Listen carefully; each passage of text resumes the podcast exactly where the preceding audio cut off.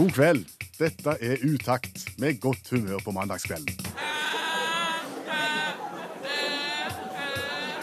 To timer i godt selskap.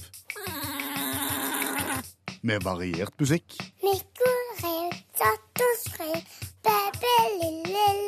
Per Øystein Kvindesland. Og Bjørn Olav Skjæveland. Jeg erklærer herved Radioprogrammet Utakt. for åpnet. Og for et program det kan bli i kveld, Skjæveland. Ja, det håper jeg eh, vitterlig, fordi formålsparagrafen til Utakt er jo at Utakt skal være et radioprogram som skaper godt humør på en mandagskveld, og Utakt skal være et radioprogram som er godt selskap på en mandagskveld.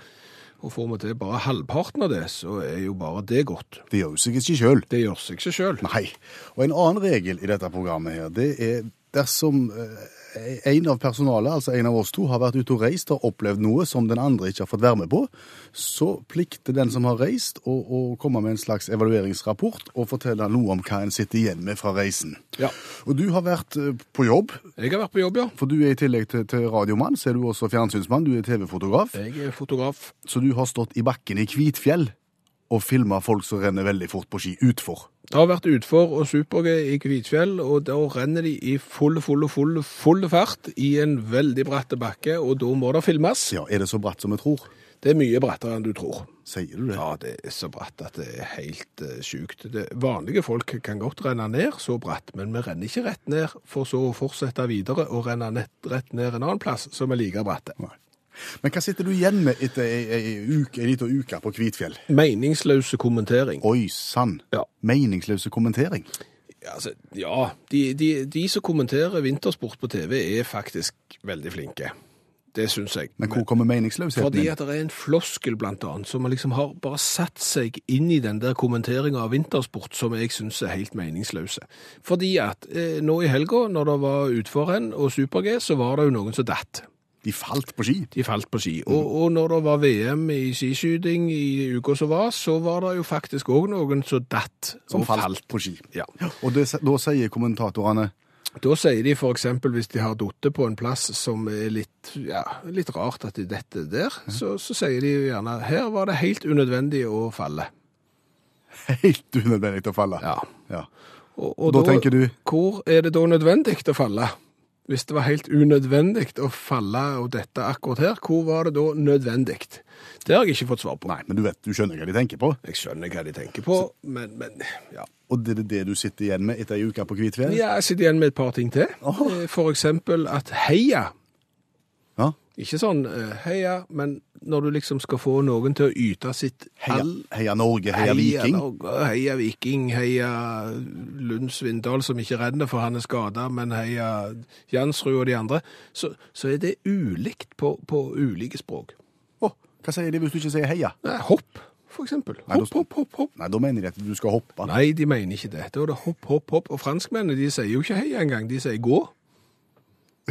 Gå, gå, gå. Ja, allé, allé, allé, for eksempel, sier de. Og, det, og da tenker jo jeg at de som driver med vinteridrett, eller alle idretter for, for den saks skyld, de reiser jo veldig mye rundt på forskjellige arenaer og sånn, og da er det jo greit at de blir heia på på samme måten. Okay. For tenk deg hvis du aldri har vært i Norge og blitt heia på der, så er det liksom heia, hæ? Har jeg mista noe, eller er sikkert noen som Lomme, nei, lommeboka har jeg med meg, og kino er på, ja, nei, jeg aner ikke hva det er. Og hopp, hopp, hopp, sant? Altså, begynner, ja. Så begynner du plutselig å hoppe, det var ikke det du skulle. Du vil ha en samordning av heia-begrepet? Ja, jeg vil ha en internasjonalisering av det? Ja, et internasjonalt heiarop som alle kan forenes om, og som ikke er det franske, for det betyr å gå, og som heller ikke nødvendigvis trenger være det norske eller det tyske. Hopp. Det er det du sitter igjen med etter ei uke i bakken? Nei, og så sitter jeg igjen med at det er for få alpine øvelser. Det er, det er for få alpinøvelser. Ja, Du har utfor, du har slalåm, du har super-G. har- Ja, jo, for så vidt. Men, men for eksempel nå i helga. Super-G og utfor i Kvitfjell, for det er en bratt bakke der du renner rett ned, og det var det. Se for eksempel på skiskyting. Skiskyting er jo egentlig bare å gå litt på ski, og så skyter du, og det var det. Ja, så går du litt til. Ja, det spørs jo det. For, for det, det er jo det de har gjort i skiskyting. De har utvikla gåinga og skytinga til å bli f.eks. gå, skyt, eh, gå, eh, skyt en gang til, eh, gå litt til. Eller f.eks. alle starter samtidig, gå på ski, skyt, eh, og så ser vi hvem som kommer først i mål etter der. Så har du òg varianten gå kjempelangt på ski, skyt et par ganger og gå litt lenger. Og så har du lag, stafett. Ja, da har du eh, en mann, går, skyter, går, sier hei til en annen kamerat og sender han av gårde og sånn. Eller for eksempel da sender av gårde ei dame etter at en vant. Du skjønner poenget. Jeg skjønner det, og nå vil du at alpinfolket skal se til, til, til skiskytterne. Ja, finne andre varianter å drive alpinsporten videre på. For eksempel, det slo meg når jeg sto der og filmte, hva med alpinstafett? Alpinstafett. Ja, En mann kjører full og full fart, Eh, ja Og så- for eksempel. og veksler Ja, med. Hvor er, hvor, hvor er andre etappen? Ja, det har jeg tenkt litt på. Eh, Der er det jo forskjellige muligheter, og nå, nå bare skisserer jeg eh, muligheter og ikke løsninger her. Eh, Du kan jo eksempel veksle midtveis. Ja, Da kommer du i 130 km i timen, Ja. og så skal du gi nestemann et klaps på Ja, ryggen. bare det er jo interessant. Ja, sant? Og livsfarlig. Da kommer eksempel Kjetil Jansrud, så kommer han ned over russespranget i og hoppe ut der, og, og da er du jo eksempel opp til Åmot Kilde og, og starte sin nedoverbevegelse, sånn at han da kan få seg et klaps av Jansrud, så ikke så hardt at, at han slår han ned. For eksempel. Der har du en løsning. Kanskje litt farlig, men spektakulært og alle tiders gøy. Ja, Og litt kort etappe, tenker jeg. Kanskje. Ja, Hva med da at, eh, at etappe to står i bunnen av bakken? Det er òg en mulighet. Men, Men da er det jo ingen bakke å renne i. Nei, men da må han opp. Og det er jo òg interessant, fordi at det med heiskultur og, og, sånn, og stolheiser og sånn, og, og velge hvilken rekke skal du gå i her, gjerne trekke veksler på at du var god og snike i køen i påsken i 88 for eksempel. så, så det er andre etappen, og da heisen, heisen opp igjen, Ja, og så dreie ned. Ja. Og, og han som har andretappen, han trenger jo ikke være god i det å renne i det hele tatt, så da får han plutselig være med på alpinlandslaget, han som er best i heis, sant? Og så kan du ha en, en som er snar og renne ned igjen på toppen, og sånn kan du holde på. Ja. Jeg er med, jeg, på andre etappe, og, og fjerde.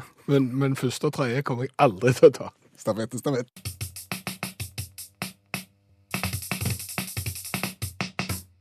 Du, Ja. jeg må få lov til å stille deg et, eh, et tenkt spørsmål. Ja, det er jo et ekte spørsmål, men det er en tenkt problemstilling.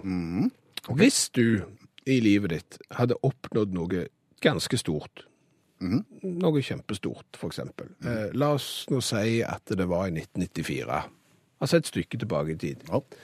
Ville du brukt det til din fordel den dag i dag, og, og liksom skrøte av deg sjøl, sagt at ting, dette her oppnådde jeg i 1994? I 1994 fikk jeg min aller første sommerjobb i NRK.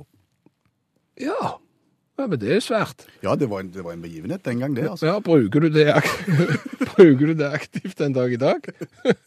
I selskapslivet. Ja, altså liksom, Du vet at jeg hadde sommerjobb jeg, i NRK i 94. ja, det er bare 22 år siden, Ja, liksom. Nei, jeg gjør ikke det.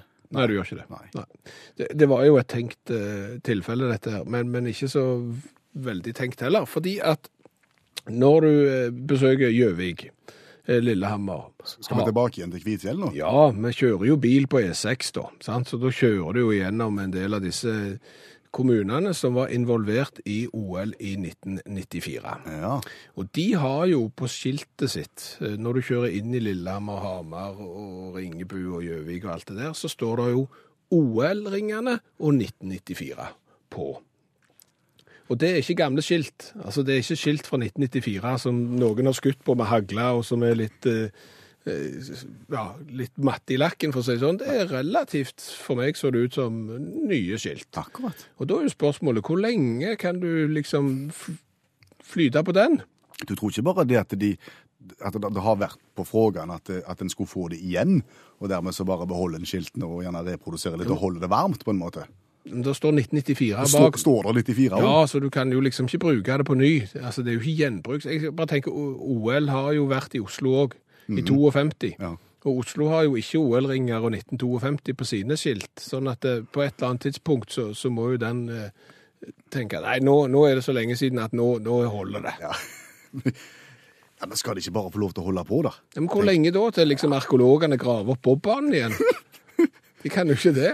Jeg tenker på, en, på et eller annet tidspunkt så De, Det er en liten by, og det var en gigantisk opplevelse. Og det var, det var svært kan en ikke få lov til å bruke det egentlig så lenge en bare ønsker. Ok, ja, altså for meg kan du bare, jeg bare stiller spørsmål her om hva tid nok er nok. Tror du ikke St. Moritz gjør det? St. Moritz, Ja. 28 og 48 Ja. hadde de OL. Jeg har aldri sett det, jeg tror jeg Du har aldri vært i St. Moritz? Nei, jeg har altså ikke. Så jeg har aldri sett at de har det. Men, nei, men Paris, for eksempel. Ja. Sant? Paris de har vel hatt det flere ganger, tror jeg. Og første gangen i 1902 eller et eller annet sånt. De har jo ikke ringer, Nei, de. men de har- London har heller ikke sett at de bruker ringer. De har Big Ben. Og Paris har Eiffeltårn og, og, og mye Og, annet. og Lillehammer de trenger alt de kan få, er det det du mener? Gjøvik trenger enda mer, og, Hamar har en båt som ligger opp ned, så de går skøyter inn i. Ja. ja, ok.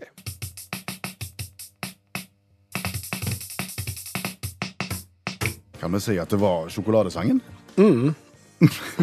det ser du.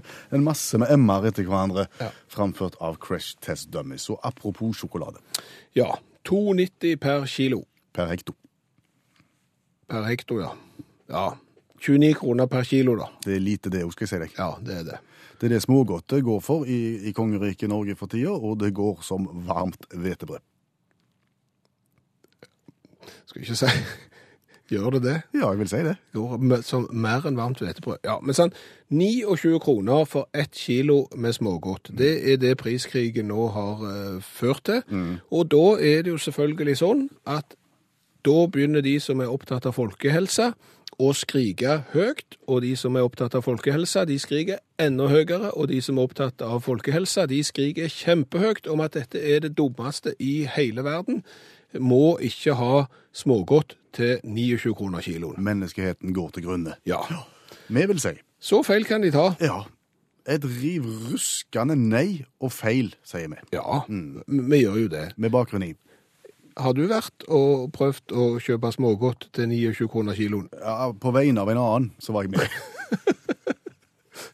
Uh, var, faktisk innom opp til flere butikker. Ja. Den første var det skåltomt. Eh, Nummer to var det uh, helt skåltomt. Eh, Nummer tre var det litt grann opp i høyre hjørne, men det var sånn forferdelig lakris med surt og salt på, som ingen ville ha. Ja, riktig det. Så, så tomt er det jo egentlig i praksis. Ja, og og jeg skulle ned og kjøpe smågodt til 29 kroner kiloen, jeg òg.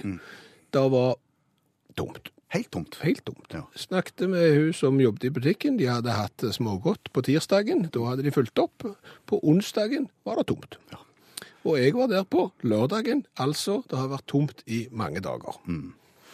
Og da tenker jo vi, eh, hvis eh, det er livsfarlig å røyke, eksempel, Mm.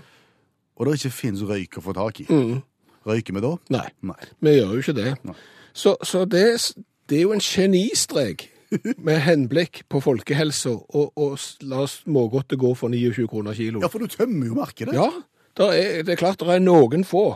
Som For eksempel han som kjøpte 35 kilo, Ja. som nok har fått seg et lite skudd for folkehelsebaugen sin. Ja. Det, det må være lov å si. Han har tatt, han har tatt det inn for laget. men, men for oss andre, Ja. så, så, så er jo dette her er jo en håndsrekning til bedre folkehelse. For vi har jo ikke spist så lite godteri noen gang, for det er jo ingenting å få kjøpt. Nei, og samtidig så sykler vi fra butikk til butikk og får kondisjon, for så det er ingenting. Nei, jeg kjørte jeg da, men eh, det er greit. Men, eh, nei, så dette er, for å si det sånn, du burde snart begynne å gi det vekk. Da kommer folk til å bli i så god form, og de kommer til å bli så sunne og friske. Gratis godt til alle som vil ha, for det er ikke.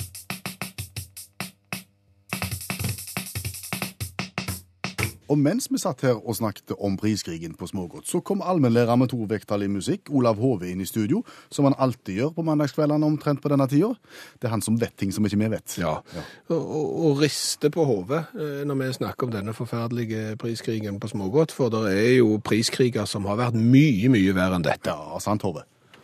Ja visst, det er så mange kriger, priskriger som var verre. Så jeg kunne jo ha nevnt potetpriskrigen fra Spokane i 1970, men jeg gjør ikke det. Da ble jo en av de få voldelige priskrigene. Da det ble eh, både potetbrenning og potetkanonskyting. Eh, Men jeg trenger ikke nevne den. Jeg kunne òg ha nevnt selvfølgelig lollipopkrigen fra Pittsburgh i 1957, men jeg velger å ta den første kjente, kan du si, priskrigen, da, da det hele starta. Da lærte vi det at det, lokale priskriger det kan være skummelt òg. Vi skal til den lille byen Riceville. eh, i Amerika, ikke så langt ifra eh, Sacramento. Eh, som, eh, som ikke er så langt ifra Tampa, og som ikke er så langt ifra Sarasota, for de som liksom er, er gode på nærgeografi. Og, og eh, i, i Riceville der bodde det en kar som heter Walter McCoy. Han eh, produserte is, lagde is, da, og, nå, eh, og, og, og denne her junidagen i 1947 så hadde han lag, kommet et nytt produkt av mokka, krokan, eh, bjørnebær. Dristig. Eh, amerikanerne vil jo helst spise kornfløyteis, og så tar de på all slags vas. mok Mokka og krokan hørtes godt ut, men akkurat de der bæra kunne jeg jo Nei, det var nettopp det. Det var dristig, ikke sant? For De vil jo ha alt mulig strøssel på, sant? de vil ikke ha smak. Så han, han sa at en halvliter med is kosta 20 cent, da. Og det var halv pris. Av det, altså Den nye han kom med, den kosta 20 cent. Riktig. Det var, det var halv pris og, det som en forventa av en halvliter med is på den tiden. Det var rett etter krigen, og det var fløytemangel osv. Men inn i historien kommer da Martha Timmerman, som drev kolonialbutikk eh, i, i Riceville. Det bor jo 950 innbyggere i Riceville, lite folk. Men hun ble da eitrende forbanna for dette her. Eh, Ingen skjønte helt reaksjonen, men det gikk rykte om at, eh, at Walter og Martha hadde hatt en liten affære på gymnaset. Og hadde, han hadde dumpa, og dermed så, så var hun litt, bar hun visst litt nagt i handa. Så hun setter da eh, Hun også selger is, da. Så hun setter prisen ned til 15 cent.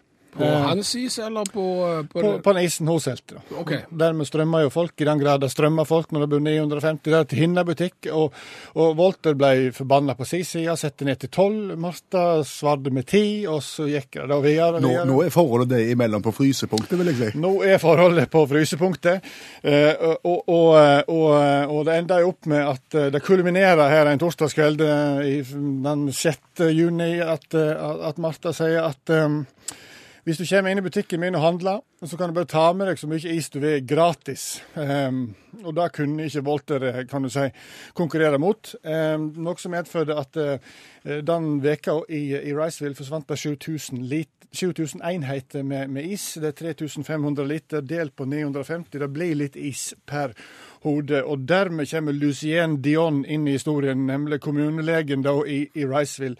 Han går ut i Sarasota Herald Tribute med dundrende pekefinger. Iallfall blir det beskrevet, det var lite med bildet, og sier at nå er det nok. Nå må folk slutte å hete is. For han hadde aldri hatt så mye pasienter i løpet av ei uke, og ni av ti hadde isrelaterte skader. Um, Hva er isrelaterte skader? Det er forfrysning. ja, det er helt korrekt. Det er alt fra mageknip til lettere forfrysning på fingertuppene. Og får du lettere forfrysning på fingertuppene om sommeren i Florida, da har du spist mye is. Eh, så sier Lucien det som var problemet, var at folk med nedsatt allmenntilstand ville ofte overse viktige symptom eh, når denne mageknipen setter inn. Derfor så mente han at det var helseskadelig for folk eh, med kronisk sykdom å ete is. Og ikke minst ulv-ull-prinsippet slo inn. Eh, For her dukka det sannsynligvis opp folk som hadde magesmerter som kunne være farlige, som ble tolka som isrelaterte eh, magesmerter. Eh, dette, her, dette her kulminerte med at vi gikk tom for fløyte, heldigvis. Det var rett etter krigen. Det var ikke mulig å oppdrive en eneste dråpe med fløyte. Men så kjøpte Volter seg to kyr, og så var det på'n igjen. Og så?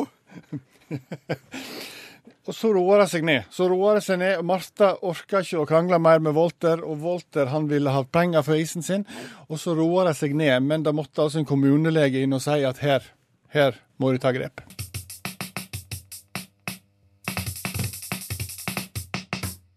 Jeg eh, observerte deg i starten av arbeidsdagen i dag, Skjæveland, og jeg, jeg kjente meg for så vidt litt igjen, for jeg gjorde akkurat det samme litt tidligere i kveld.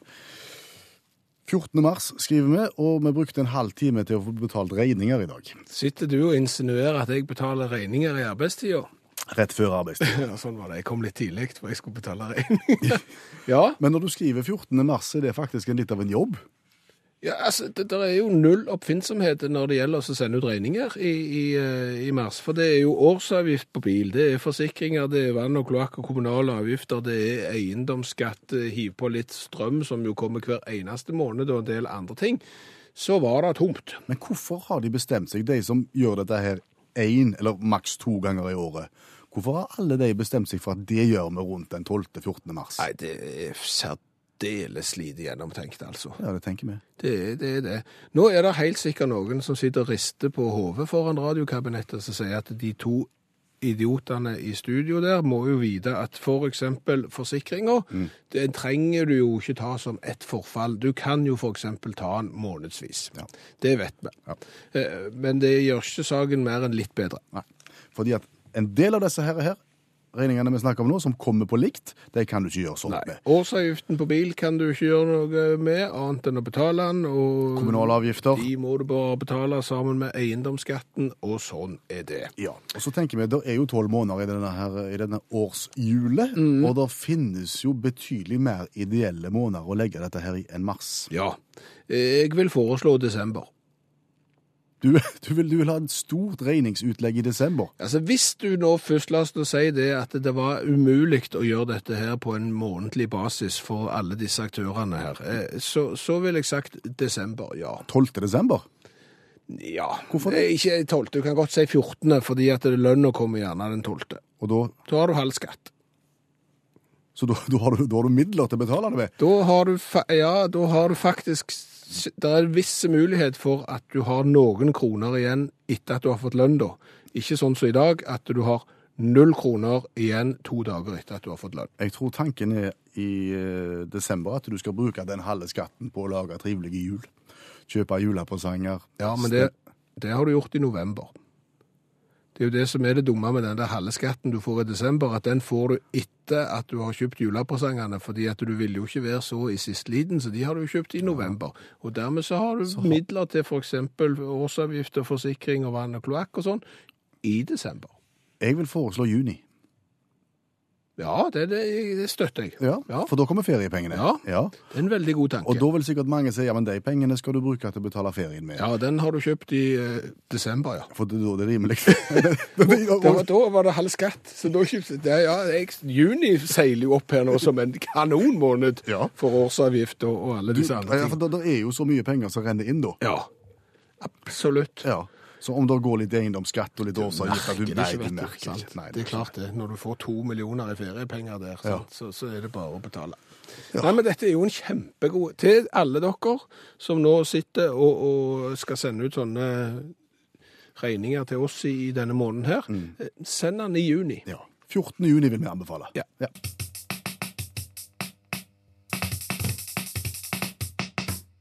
Kan jeg stille deg et spørsmål? Kom an. Er du kilen? Ja. Kittelen? Kilen? Ja. ja. Ja. Overalt, eller noe spesielt? Noen plasser det der enn andre plasser? Altså, under beina er jo noe, og, og under armene er jo en plass òg, og, og på sidene, og litt bak, og litt overalt. Er, Men er du sånn at hvis at du står med hendene rett ut fra, fra kroppen, Mm. og noen nærmer seg og, og liksom vil hogge deg i sida, så kjenner du at det rykker til? At du, nei, det, det er mer når du er på, på sånn fjørlett berøring. Oh. Det, det er da jeg eh, virkelig eh, sier at nei, dette her gidder jeg ikke være med på. Dette her er noe tull. Det har jeg aldri syntes er gøy humor. Dette er kjedelig humor. Stopp. ja, ok. Ja. Det er mange som, som har det sånn, enten det er sånn fjørlett, som du sier, eller, eller hogging. Men det som jeg tenkte på en dag, Mm. for jeg er jo der, altså, hvis noen tar altså, under armer eller på sida her, så hogges det seg som bare det. Ja. Men hvis du gjør det sjøl, Da ble jeg nå må du prøve. Nå må jeg ta av meg skoene, og så må jeg ta av meg sokkene. Og så Så må må du finne fram ei fjør. Ja, det men har vi ikke. det. Nei, men jeg klarer det med bare fingrene òg. Ja. Nå nå kiler programlederen seg sjøl under foten. Ja, men vet du hva? Mm. Det, er, det, det virker litt. Mm. Altså, det er ikke sånn Det er ikke så ubehagelig. Det er så ikke vil- så ubehagelig som andre sine fingre er. Nei. Eh, Men, men det er allikevel ikke behagelig sånn at jeg ville gjort det lenge. Nei. Men, men det er Jeg kan trykke og peke og herje på de plassene som jeg ikke overhodet er i nærheten av å kunne klare, hvis andre gjør det. Så hva er det for en mekanisme? Vet du hva jeg tenkte på nå? Nå driver, ja. nå driver jeg og kitler meg under foten med høyrehånda. Ja. Og etterpå så går jeg bort og så tar jeg, tar jeg på den PC-musa så noen andre skal bruke i det samme studio. Ikke snakk, ikke snakk deg vekk nå. nei, nei, jeg bare tenker at det var sikkert trivelig, ja. Nei, det er helt, det er helt merkelig fenomen. Ja. Jeg, jeg tror jo Det, det må jo være noe som hjernen lurer oss til dette her, på en måte. At vi har kanskje en, en form for kontroll i og med at vi gjør det sjøl. Ja, men altså, i og med at vi gjør det sjøl, så tror jeg vi setter oss sjøl i en posisjon til å ikke gjøre det ubehagelig for oss sjøl. Skjønte du den? Ja, men jeg er ikke sikker på om det er forklaringen allikevel. For jeg kan hogge akkurat like hardt på akkurat den samme punkten jeg ville hylt hvis noen andre hadde gjort det. Gjør jeg det sjøl, ingen problem. Ja, Men du vet jo at han kommer, for du har bestemt deg for det. Ja, og da forteller du Håvard at nå kommer det. Ja, men ja. Ja, men jeg kan jo s- Nei. Nei, altså, jeg, for å si det sånn, dette her er det helt sikkert der er folk som har forska på dummere ting enn dette. Der, er, der er forskningsmidler, det sitter løst. Så jeg, er undervurdert. Ja, det tror jeg rett og slett at et eller annet universitet i USA burde The, the International University of uh, Tickling eh, bør få midler til å så forske videre på dette her, for dette er helt spesielt. Veldig spesielt.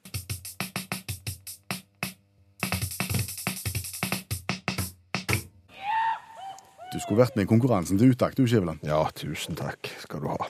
Og tusen takk til alle som melder seg på, og som holder interessen for denne konkurransen så, så levende. Det er vanskelig å plukke ut deltakere. I dag måtte vi rett og slett bare la fingeren gli over arket til vi sa stopp på Monica. Ja, Monica som er ute på kjøretur og skal få lov å være med og konkurrere. Og hvor går turen fra, og hvor går turen til, Monica? Ja, jeg har kjørt fra Eid i kveld og er på vei tilbake til Høyanger. Så eh, nå er jeg i Sunnfjord på vei tilbake til Sogn. Hvor langt skal du kjøre da i kilometer? Nei, det er vel en eh, 20, 20 mil totalt, da. Men nå, er jeg, eh, nå er jeg, eh, har jeg fire mil igjen. På oppløpssida. Ja. Så da har du svingt bilen godt inntil sida, håper jeg, og har på handsfree-en, og så skal vi gå kjapt gjennom reglementet for Utakt sin konkurranse. Ni spørrebøker. Monica velger et tall fra 1 til 9. Jeg plukker en spørrebok. Vi blar opp på ei vilkårlig side, velger et vilkårlig spørsmål, og svarer Monica rett, så får hun gladjodling. Svarer feil, så blir det tristjodling. Men uansett så skal Monica få lov å gå rundt i Høyanger i utakt sin eh, T-skjorte med vedhals og sprade så fine som hun er. Er du klar, Monica? ja. Da turer vi i gang, og du skal få velge ei spørrebok én til 9. Eh, to. To. Min første spørrebok, den er for barn. Eh, Det vil si at bokstavene er store, sidene er få, og spørsmålene kan kanskje være enkle. Eh, Hvis du velger et sidetall mellom 1 og 30. Eh, 16.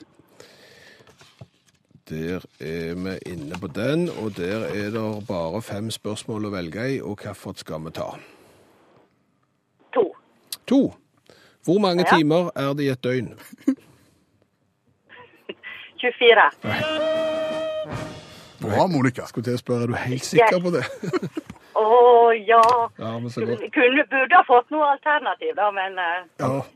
Det er veldig sterkt. Det- Altså, det, det viser det er karakterstyrke å ta den uten alternativ. Hva gjør Monica på når hun ikke svarer rett på 24 timer i døgnet? ja, da jobber jeg i eh, det beste partiet i verden, eller i hvert fall i Norge, Arbeiderpartiet. Som en slags organisasjonssekretær, eller hva jobber du som? Ja, ja jeg jobber som fylkessekretær i Sogn og Fjordane. Akkurat. Så bra. Da får vi se om vi finner et politisk spørsmål òg inni her. Da er det åtte bøker igjen. Hvilket vil du ha? Eh, da tar jeg eh, bok nummer seks. Nummer seks. Spørrebok for leseglade damer. Oi, herlighet. Da foreslår jeg spørsmål nummer 36,9. Kunne det vært noe? ja. Det blir da side 36, spørsmål 9. ja. Ja, Det er egentlig bare et fasit der, men det er greit. Eh, Det er da det grønne rommet. Hvem skrev i 1871 Vennindernes samtale om kvinnens underkuelse? Det er jo noe alle vet. Hvem skrev i 1871 Vennindernes samtale om kvinnens underkuelse? Jeg likte best oppfølgeren.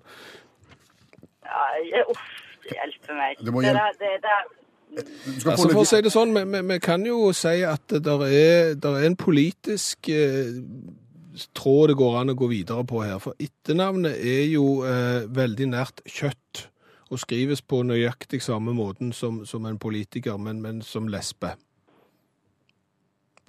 Hjalp dette? Det hjalp ingenting. Kjøtt. Kjøtt, ja. Ja. Ja.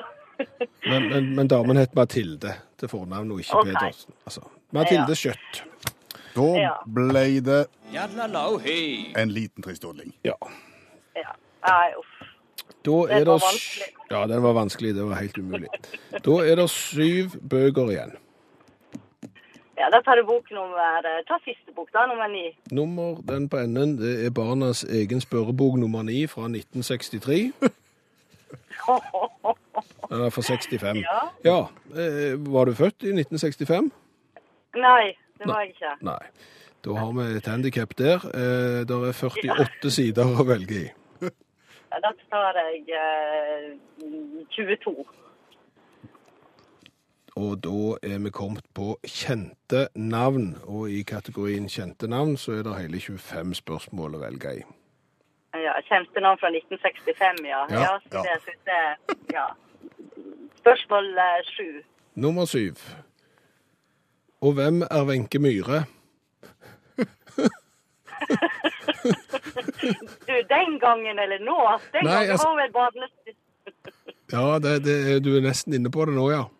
Ja, sant. Mm. Hun var vel barnestjerne den gangen, så det er det som var det. Yes, det var da oppfølgerspørsmålet til Hvem er Tjorven? Det var en svensk barnestjerne kjent fra TV og film, mens Wenche Myhre var en norsk popsangerinne og barnestjerne. Ja, ja. Ja, men dette gikk jo bra. Ja. ja, vet du, det gikk over all forventning. Jeg, jeg tenkte jo at eh, endelig er det en quiz der jeg vinner uansett, så, men to av tre, det var ikke så verst. Det er veldig bra. Og så får du ta med deg da til, til partiet ditt. Eh, Hvis dere eventuelt skulle komme i posisjon igjen, så, så vil du anbefale utakt hver eneste dag. Gjerne f.eks. fra tre på ettermiddagen i litt sånn fornuftige sendetid. Kunne det vært noe? ja, ja det, det er absolutt, absolutt. Da noterer du den, Monica. Ja, flott. Ja, ja. Kjør Nei, forsiktig så- og god tur videre. Jo, takk for det.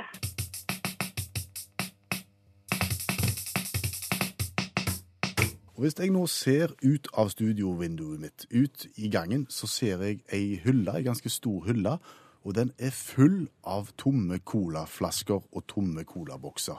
Og den hylla har blitt en attraksjon. Ja, det kommer busslaster med folk eh, til NRK sitt eh, kontor i Stavanger for å se på denne hylla. Det er colasamlingen til utakt, Ja, og den begynner å bli omfattende. Den begynner å bli omfattende, fordi at nå skal vi teste cola fra et nytt land, og bakgrunnen for at vi tester cola i utakt, den er én, fordi det er tøft. Ja. Eh, to, eh, for vi må jo henge det på en annen knagg òg. Eh, det er fordi at dette er for, forbrukerjournalistikk av beste merke. Skal du ut og reise i den store verden, og den er stor, så må du vite hvilken cola skal du drikke i hvilket land. Ja, For som jeg sier hver eneste mandag, det er en jungel der ute. Å ja, det er det. Den er eksempel i Amazonas. Der har du én jungel, og der er jungler overalt, og du må vite hvilken cola du skal ha i hvilken jungel. Vi har smakt på 50-60 varianter allerede, og det ligger ei sirlig liste ute på, på våre Facebook-sider, så der kan du gå inn og se hvordan det har gått så langt.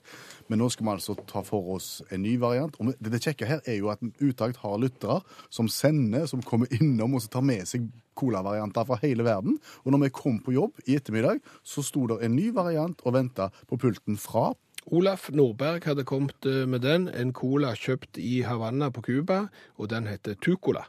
Å, Cuba-cola har vi aldri smakt før. Tucola. Tucola. Tucola. Hva vet vi om Tucola? Eh, Ikke så mye. Eh, Det er jo da produsert eh, på Cuba, så dette er en kubansk av Los Portales. Ja, Og de har jubileum i år. så det. Ja, de har 30 30-årsjubileum, og det markerer de veldig på denne boksen her, at de har 30 annos Ja. jubileum. Eh, For et utrent øye så ser det ut som en helt vanlig Coca-Cola-boks. Ja, men da er du ikke trent i det hele tatt, for du må snu den.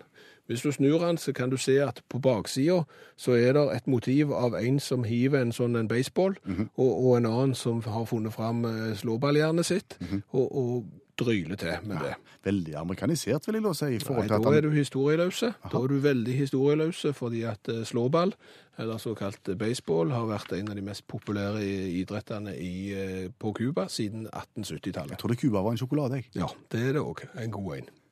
Men eh, nå skal vi gå løs på og smake på den her. Ja.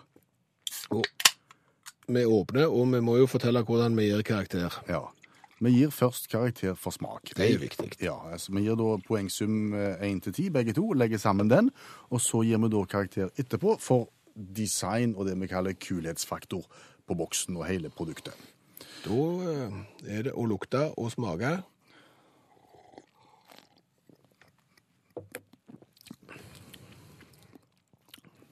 Jeg sier som deg, det er ingen usmak på den. Ingen usmak på den, altså. Den, den er litt grann snev av tygg i, men ikke det var Den kan de drukke mye av. Mhm. Cuba Cola leverer. Jeg er villig til å gi en Jeg setter syv. Ja, jeg tenkte akkurat på det samme. Syv. Det, det, det, er, ikke, det er ikke maks, men det er heller ikke medium. Så det Nei, og, og det du kan si at eh, amerikanerne har jo blokkert Cuba og gjort det litt vanskelig for dem i lang tid, men kullsyre eksempel, det har de ikke klart å stoppe på grensa, for der, det her var det rikeslikt. 14 poeng totalt for smak. Det er jo en veldig god start. Ja, absolutt. Og la meg jo bare si det. Jeg syns denne boksen er tøff. For det første så har de da skvist inn 355 milliliter igjen. De har tenkt at nei, vet du hva, vi gjør det på vår egen måte. 330 milliliters bokser, sånn som de andre har, det holder ikke for oss. 355. Mer for pengene. Mer for pengene. Så har de jo et alle tiders stort merke av eh, jubileumslogoen sin. Det er for så vidt greit nok, men baksida med baseball, det er tøft. jeg ser det er tøft. Ja, Jeg, jeg trekker for fargebruken, for fargebruken er kliss lik ordinær cola. Jo, men sant, fargen indikerer jo at det er litt cola. For en grønn boks inneholder sitronbrus, sant? En gul boks inneholder Appelsin. appelsin. Sånn er verden. Røde bokser er cola. Så eh, jeg, jeg, nei, dette syns jeg var tøft. Fem, Jeg, fem. Det var syv. Ja vel. Fem, syv, 13, 12, 12 pluss 14, 26. 26 poeng til Cuba Cola. Det er ganske mye, det. Det er oppe på en delt sjetteplass. Fin, fin plassering der, altså. Ja. Fortsatt leder Fortsatt leder den norske Tøyen-colaen, som er på A-poeng sammen med den tyske Filanker-cola.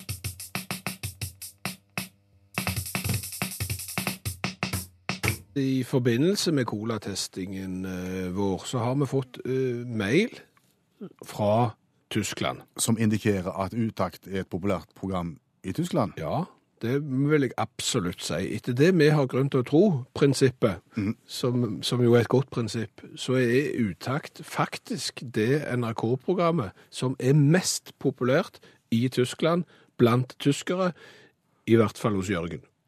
Ja, Du baserer dette på uttalelser fra Jørgen. Ja, altså, vi, har, eh, men det vil jeg si er et eh, ganske representativt eh, utvalg. Jørgen er det. Jørgen er sosiolog og kriminalbetjent. Oh. Og jeg kan lese mailen fra, fra Jørgen. Den kommer på norsk. Eh, og jeg har kommunisert litt med, på mail sammen med Jørgen. Han skriver mange takk for e-posten. Eh, jeg hører NRK hverdags og leser også norske aviser. Bare, bare spør en ting. Er dette her sånn Google Translate oversatt, eller er dette noe Jørgen har skrevet på norsk sjøl? Dette har Jørgen skrevet på norsk til utakt. Den tyske kriminalbetjenten. Mhm. OK, Og sosiologen. Ja. Eh, kommer fra Nord-Tyskland, hvor vi snakker nedertysk. ja, akkurat. Og derfor har vi mange ordene sammen i vårt språk. Det er spennende å se hvilken ordene er endog norsk. Som sagt, jeg er sosiolog og kriminalbetjent, liker norske folket og kultur, historie og samfunn, fjellene og fjordene osv. Har vært flere ganger i Norge og skal reise på ferietur i sommer. Og hør nå godt etter. Utakt er min favoritt i NRK. Godt humor og veldig morsomt. Eh, og så kommer det et lite innstikk her om vår eh, colatesting fra Slesvig-Holstein. Eh, Jørgen ser fram til nye utgaver av Utakt, men ikke snakk så raskt, forteller han. Vær så snill, snakk litt senere, så tyskerne kan forstå dere bedre. Tusen takk, ha det bra, hilsen Jørgen. Auf Wiedersehen, ja. Ja, men jeg kan skjønne vi skal snakke seint hvis vi kan få med oss Tyskland. Tenk det potensialet Utakt har som radioprogram. Snakk litt senere, snakk litt mer tydelig, og du har et transeuropeisk gigantprogram som kommer til å spre seg som, ja, Ikke bare i Frankfurt am Main, nei, men i Frankfurt am Oder også. anbefalt av de kriminalpolizei.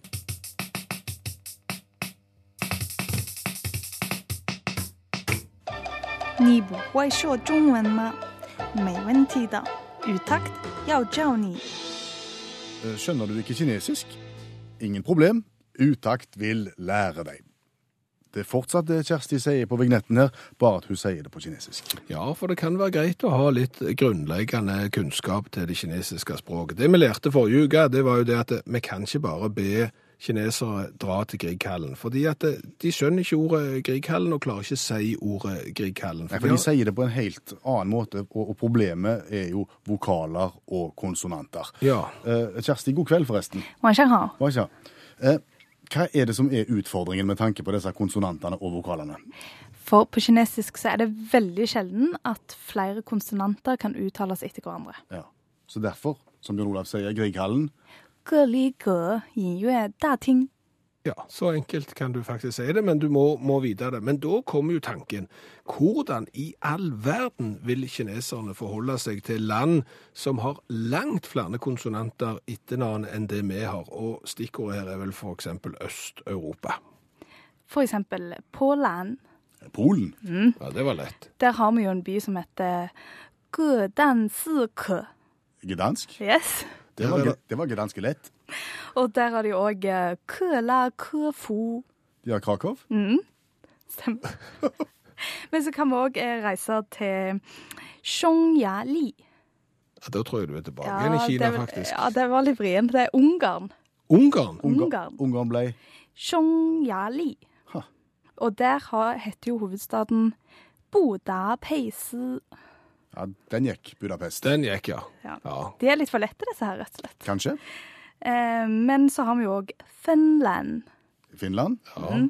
Der heter det Høar Shinji. Skulle det være Helsingfors, det? Stemmer det, stemmer Eller det. Helsinki? Helsinki. Ja. Gang til. Høar Shinji. Det ligner jo ikke i det hele tatt. I begynnelsen. Ja, ja, Litt i begynnelsen. Det er en H hvis du legger godviljen til, men det er ikke mer enn heller. Men dere kanskje må på besøk i denne byen her. Gøbenhagen Ja, vi har vært i København. Ja, den var jo greie. i Danmei. Den Danmei? I Danmei? Danmei, Danmark er det. Men dette, denne er veldig fin. Sidegøarma.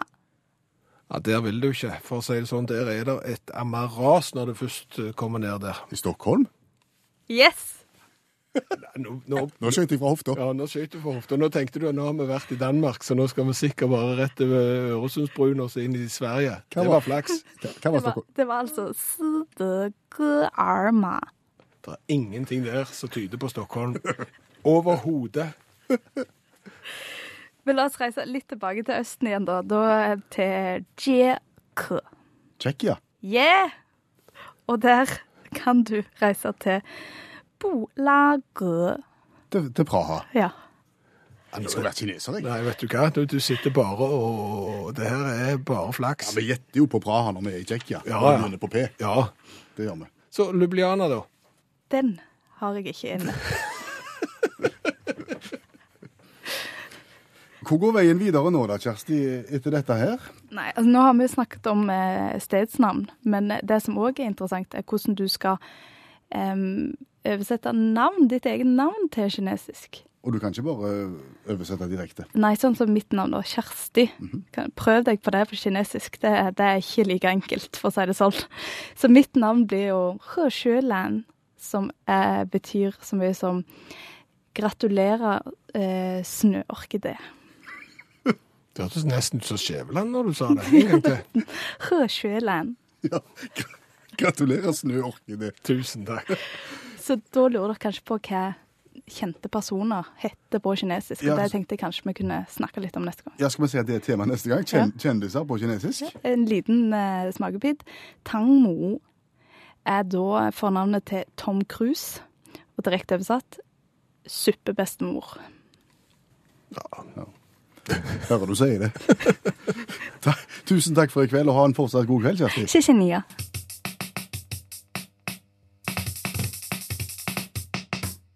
Bonjour, ça va og très bien. Sier mannen som har vært au pair i Frankrike. Ja, Det er ikke så mange menn som har vært det. ikke spesielt mange, eh, og iallfall ikke som ikke ble frisør etterpå. Nei. Det må vel være lov å si. Men du hadde et godt år? Ja, på alle måter et eh, alle tiders år. Og en definisjon på om du har lært deg fransk eller ei. Mm.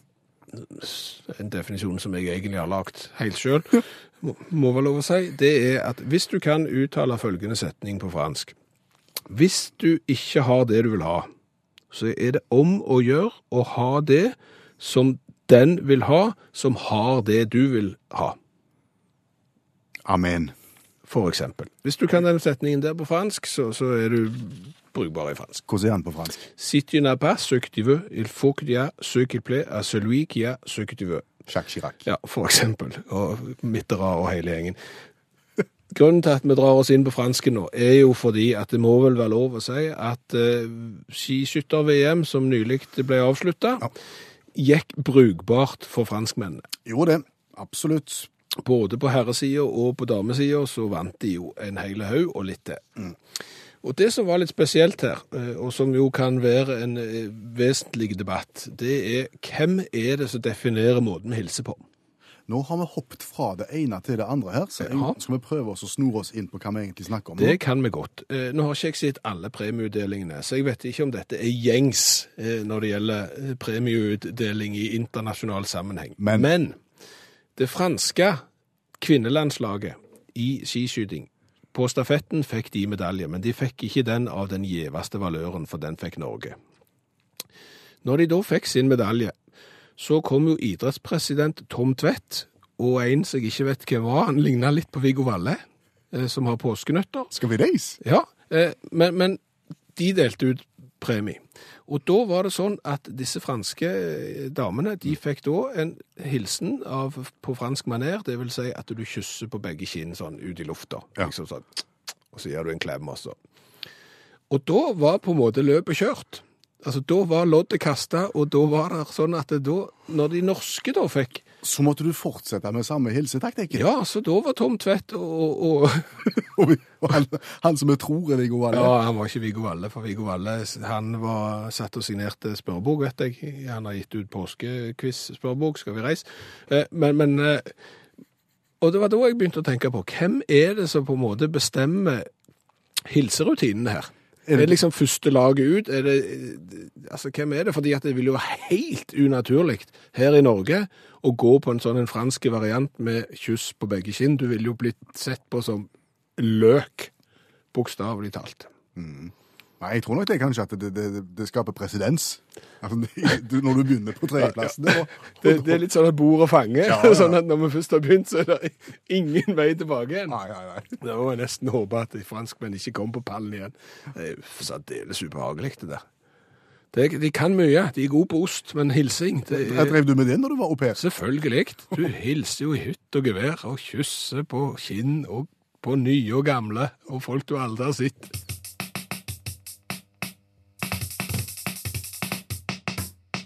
Klokka er tolv minutter på midnatt, og igjen har vi besøk av allmennlærer med to vekttall i musikk, Olav Hove, som i kveld er opptatt av priskriger. Ja, for det er jo 29 kroner eh, for eh, kiloen på smågodt i Norge, og så snakket jo Olav om priskrigen på is i USA på 1940-tallet. Så det er ikke sikkert at den priskrigen vi opplever akkurat nå, er så heftige sammenlignet med det som har hendt tidligere. Ikke sant, Olav? Gjør det, vet du. Hvis vi skal inn i nyere tid, så kunne jeg jo nevnt banankrigen fra 2009, som var heftig på sin måte, og eh, hasjkrigen eh, fra, eh, fra, fra California fra 2012. Det var et medisinsk og rekreasjonell hasj. Det er forskjell i prisen på de som skal medisinsk kjøpe rekreasjon. Det er så diesel, vet du. Sant? Akkurat samme opplegg. Det ble en himla priskrig og et styr uten like. Men eh, skal vi nevne den mest ekstreme priskrigen? Ja, men bare den banankrigen, hvor, hvor den utspant seg. Banankrigen har utspant seg i, i, i sør i England, og, og det gikk rett og slett ut på at, det var billige bananer. Og det gikk, eh, det gikk for så vidt fint, men det ble kan du si, mye bananflugg etter hvert, for prisene måtte på et tidspunkt stige for det var noe klaging. For, ja, det var i det hele tatt eh, et styr. Men, eh, men hvis vi skal finne den kanskje mest ekstreme, så må vi, må vi innom bønnekrigen fra 96. eh, og da snak- ja, da er det ikke aftensbønn vi snakker om. Da skal vi snakke om denne her herlige, herlige greiene som du stapper på eh, den engelske frokosten. Disse her baked beans, eh, tomatbønner. Ja. Det er nemlig kjeden Netto. Kjenner du til Netto? Ja, Jeg har vært i det. du har vært i Netto. Ja. Nettopp. Nei, men, Netto var jo, Netto var jo eh, i kjeder som solgte billige ting, og, og, og hadde litt dårlig rykte. Mange vitser rundt Netto, jeg vet ikke hvorfor, men iallfall så var det det. Og, og det, var der, det var der fattigfolk og sleur og slask gikk. Og når vi snakker 90-tallet, så er jo det litt sånn halvkjipt. Men i alle fall eh, så ansetter de Andy Green, da, et markedsføringsgeni av de helt store, eh, til å finne ut hvordan skal vi eh, øke statusen vår. Han, klarte ingen, han klarte ikke det, men så kanskje vi skal tjene mer penger. Han klarte ikke det heller. han hadde masse gode, masse gode innspill. Blant annet så ville han nekte kjendiser adgang. Hang opp, bilder av David Beckham, f.eks. Forbudt for David Beckham. David Batty hadde han òg forslag om. Uh, virka ikke, de solgte ikke mer. Eh, han prøvde masse. Men så, så kom de da med dette her tips om å selge billige bønner. Elleve sånne pence eh, for, for, en pakke med, for en boks med bønner ville de selge. Hva er normalprisen, liksom? Altså 11 pence da 33 er normalprisen. Det, oh, ja, det er visstnok Heinz som styrer det her, så det er 33 som er normalprisen. Så 11, og det var helt greit, tykte de fleste. For de andre kjedene de gikk og sa vi selger for 10. Og, og da gikk Netto og sa 9 og så åtte, tenker jeg sjøl. Sju, seks, fem. Det høres ut som en bra auksjon. Ja, ja, det var kjempefint. Og folk gikk jo mann av huset. Og de kan tenke dere odøren over hele de britiske øya etter det her greiene her, da. Eh, enormt mye Enormt salg. Eh, og eh, så stoppa det da på tre pence per boks. Trudde en. Helt til Sanders Supermarket i Lumpsham eh, dukka opp og sa det at eh, Én eh, boks med bønner koster minus to pence. Du får penger for å kjøpe Da hadde Sander Supermarked gjort bønner om til valuta. Og eh, ingen begrensninger på kjøp og sånne ting. Så her var det folk da, og da kunne du gjøre det sånn at hvis du skulle ha deg en halvliter med øl, så kunne du hente 25 bokser med bønner og stappe det inn i kassen. Så hadde du nok penger til ei øl, da. Eh, sier seg sjøl at det ble bønnemangel.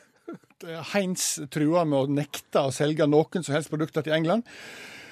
Og dermed så var det slutt på bønnekrigen, der bønner var blitt penger. Så smågodtkrigen er ikke noe å skryte av. Og alle sa amen etterpå. det var ingen bønn.